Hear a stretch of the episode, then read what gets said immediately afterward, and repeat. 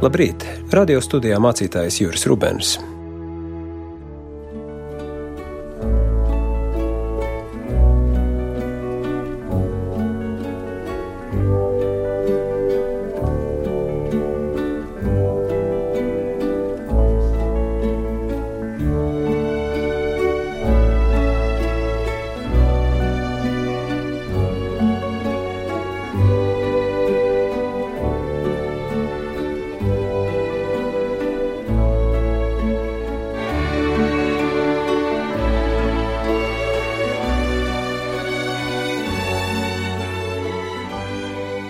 Žēlastība jums un miers no Dieva, mūsu Tēva un Kunga Jēzus Kristus.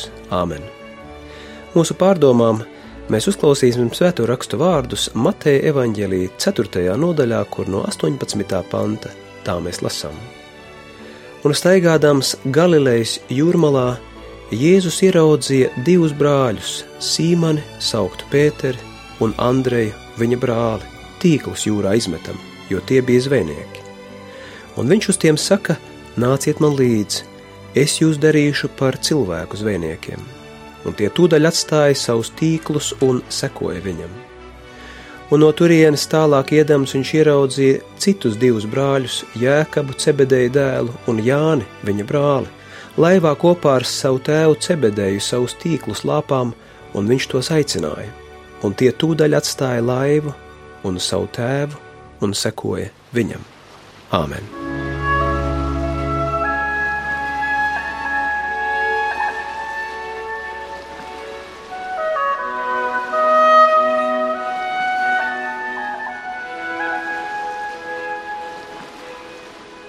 Neparasti, bet vienas no cilvēciski visgrūtāk saprotamākajām vietām evaņģēlijos ir situācijas, kurās Jēzus aicina savus nākamos mācekļus. Tās allaži ir situācijas, kuras jaunā derība attēlo ļoti lakoniski, liekas pārāk lakoniski. Viņš aicina, un cilvēks vai cilvēki pamet visu līdzšinējo savā dzīvē, lai celtos un ietu Jēzum līdzi. Mums būtu vieglāk, ja te tiktu kas paskaidrots vairāk. Varbūt mēs tad uzzinātu, ka šie cilvēki jau ir ilgi gaidījuši, gatavojušies. Jā, varbūt Jēzu jau iepriekš pazinuši, taču neko no tā jaunā derība nepiemina. Allaž lasāma tikai skopos vārdos aprakstītā situācija. Jēzus aicina, un cilvēki ceļas un iet projām no vecās dzīves, kādā jaunā, neaprēķināmā un nezināmā ceļā līdzi viņam. Atsakoties no savām līdzinējām drošībām, jo parasti, kā zināms, cilvēks mēdz sekot sev, savām atziņām, savām gudrībām, saviem slēdzieniem. Tā ir vesela revolūcija izšķirties vairs nesakot sev. Droši vien daudziem evaņģēlī lasītājiem nav viegli iejusties šo aicināto vietā, jo cilvēki parasti pirms sekošanas uzsākšanas vēlas skaidrību par principiem, skaidras atbildes uz jautājumiem, kur mēs ejam un ko mēs sasniegsim. Galu galā tieši to parasti mums plaši paskaidro visi, kas vēlas, lai mēs viņiem sekotu. Un tieši te droši vien arī atklājas liela atšķirība starp sekošanu Jēzum un jebkam citam šajā pasaulē. Sekošana Jēzum nav sekošana kādiem principiem, likumiem, noteikumiem, atziņu sistēmai vai tam līdzīgi. Tā ir sekošana dzīvai personai, kas pārsniedz mūsu mērogus. Citiem vārdiem sekošana nevis grāmatās aprakstītajam, bet dzīvajam dievam. Tieši tāpēc jaunā darība neuzskaita kādus iemeslus nākošo mācekļu neparastajai rīcībai, drosmei celties un sekot, jo vienīgais iemesls šai rīcībai ir Jēzus Kristus pats. Ladislavs Boros, viens no interesantiem 20. gadsimta domātājiem, raksta, ja jebkurš cilvēks pamēģinātu vienkārši bezaizspriedumaini paņemt rokās evaņģēlijus un palasīt par Jēzu, Pirmā dabiskā reakcija būtu neizskaidrojamas simpātijas pret Jēzus personu. Viņā ir kas tiešām pievilcīgs. Jā, to patiešām ir pieredzējuši tik daudzi, un ja to neesam jutuši, iespējams vaina jāmeklē mūsu nespējā lasīt jauno derību bez aizspriedumiem. Viņš ir tas, kas aicina. Tāpēc viņam seko Pēters un Andrejs, Jēkabs un Jānis, muitnieks Levijs un daudzi, daudzi citi, jo viņi Jēzu sastapuši kādu, kas atbilst viņu dvēseles vajadzībām, meklējumiem, nojautām. Un šādam sastapšanās brīdim nekas cits nevar sekot kā vien aicinātā paklausība. Bet ko tad nozīmē šī sekošana? Vārds, kas pēc teologa un asinsliecinieka Dītriha Bonhēfera domām ir pats lielākais un visdziļāk kristīgo esību raksturojošais vārds - sekošana. Jo kristietis ir nevis tas, kas kaut ko zina vai ir lasījis, bet kas seko, seko Kristum. Kā? Cenšoties iet viņa pēdās, cenšoties rīkoties kā Jēzus, cenšoties palūkoties uz pasauli Jēzus acīm Kā pasaules slavenajā grāmatā Imitācijo Kristi raksta ķempenes Toms, sekot nozīmē censties atdarināt Kristu. Šajā raksturvietā nav nekas pasakīts par šī vārda sekot saturu, tikai nāciet man līdzi, tas ir viss, jo sekošanu var saprast tikai sekojot. Te nav izklāstīta kāda tehnika vai uzskaitīti kādi īpaši noteikumi, tikai aicinājums nāciet man līdzi. Un kas notiek? Aicinātais pamet visu, kas tam bijis, ne lai darītu ko īpaši vērtīgu, bet vienkārši lai atsauktos aicinājumam un ietu Jēzum līdzi. Patiešām, šai rīcībai ir grūti atrast kādu redzamu vērtību. Tā pirmajā brīdī paliek kā kas nesaprotams un bezjēdzīgs. Tilti tiek sadedzināti un tiek vienkārši iet uz priekšu. Cilvēks ir izkāpis no vecās dzīves un sākas kāda jauna dzīve, dzīve kādā procesā, tapšanā, kurā iesaistīs Jēzus. Te sabrūk visa veida plānošana, cilvēcisko ideālu meklējumi, kā nu mēs katrs tos saprotam likumības, kas šķiet tik neatceļami, valda mūsu dzīvē. Jēzus ir kā durvis, pa kurām cilvēks ir izgājis no līdzšinējā kādā jaunā tapšanā. Jo aicinājums sekot ir saistīšanās vienīgi ar Jēzus personu. Tāpēc, ka ir Jēzus Kristus, sekošana ir iespējama. Tāpēc īsti ir iespējams sekot Dievam. Kādai idejai par Kristu, mācību sistēmai, vispārīgām reliģiskām atziņām par žēlastību vai grēku piedošanu, sekošana nav nepieciešama. Jo šīs lietas var iemācīties no galvas, zināt, ņemt vērā, bet ar tām nekad nevar izveidoties personiskas attiecības. Nevelti, dāņu domātājs Serens Kirkegors ir sacījis: sekošana vienīgā dod garantiju ka kristietība nepaliek vienīgi par kādu abstraktu poēziju, mitoloģiju vai ideju sistēmu. Sekošana vienīgā dod garantiju, jo tā ir saistība ar dzīvu personu, kam tu ej līdzi. Jā, sekošana ir iespējama tikai dzīvai personai. Tieši tāpēc sekošana rada pilnīgi jaunu situāciju. Palikt vecajā dzīvē un vienlaicīgi sekot Jēzum nav iespējams. Tas evaņģēlī notikumos atklājas acīm redzami. Muitniekam jāatstāj sava muitas būda, zvejniekiem savi tīkli, lai tie varētu iet Jēzum līdzi. Bet taču viss būtu varējis risināties arī savādāk. Ja domājam no vienkārši cilvēciskām pozīcijām, Jēzus varēja šim muitniekam vai zvejniekiem vienkārši pastāstīt kādas jaunas atziņas par Dievu un atstāt tos tur, kur tie ir. Ja Jēzus Kristus nebūtu par cilvēku tapušais Dieva dēls, īstenībā tas būtu vienīgais, ko viņš spētu. Taču tā kā Jēzus ir Kristus, tas skaidri atklājas, ka viņa vārdi nav kārtējā mācība, bet visas dzīves pārveidošana. Tāpēc ir vērts viņam patiešām sekot. Jo tikai šajā ceļā notiek pats svarīgākais - pārvērtība, kuru raksturo pats Jēzus ar vārdiem: Es jūs darīšu par cilvēku zvejniekiem.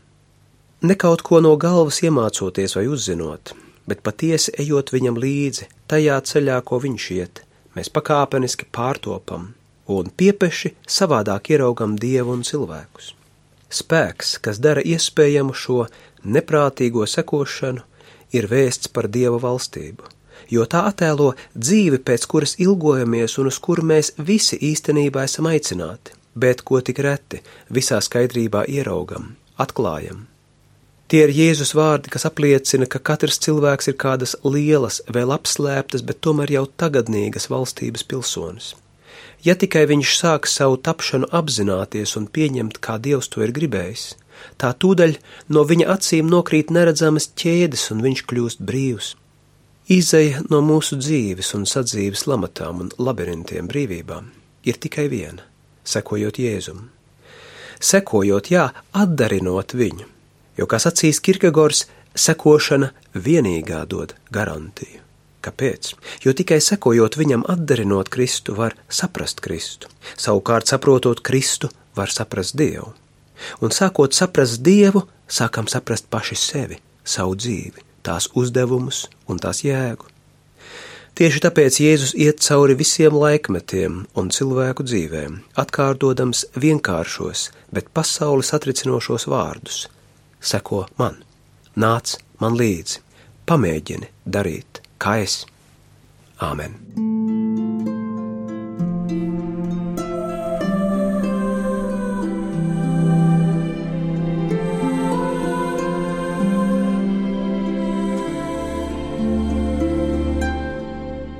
Mēs te pateicamies, debesu Tēvs, ka Tu vienmēr aicini mūs sev līdzi, ka Tu uzrunā pasauli Jēzus balsī, ka Viņš ir tas, kurš mūs grib izaicināt no mūsu vecās dzīves, no mūsu apsīkuma, no mūsu tukšuma, kādā jaunā kustībā, kurā mēs īsti varam saņemt to, kas mums ir nepieciešams, piepildītai patiesai dzīvei. Mēs pateicamies, ka mums ir šī iespēja piecelties un sekot Tev un sekojot tev mācīties saprast pašu lielāko par šo pasauli, par sevi un par tevi.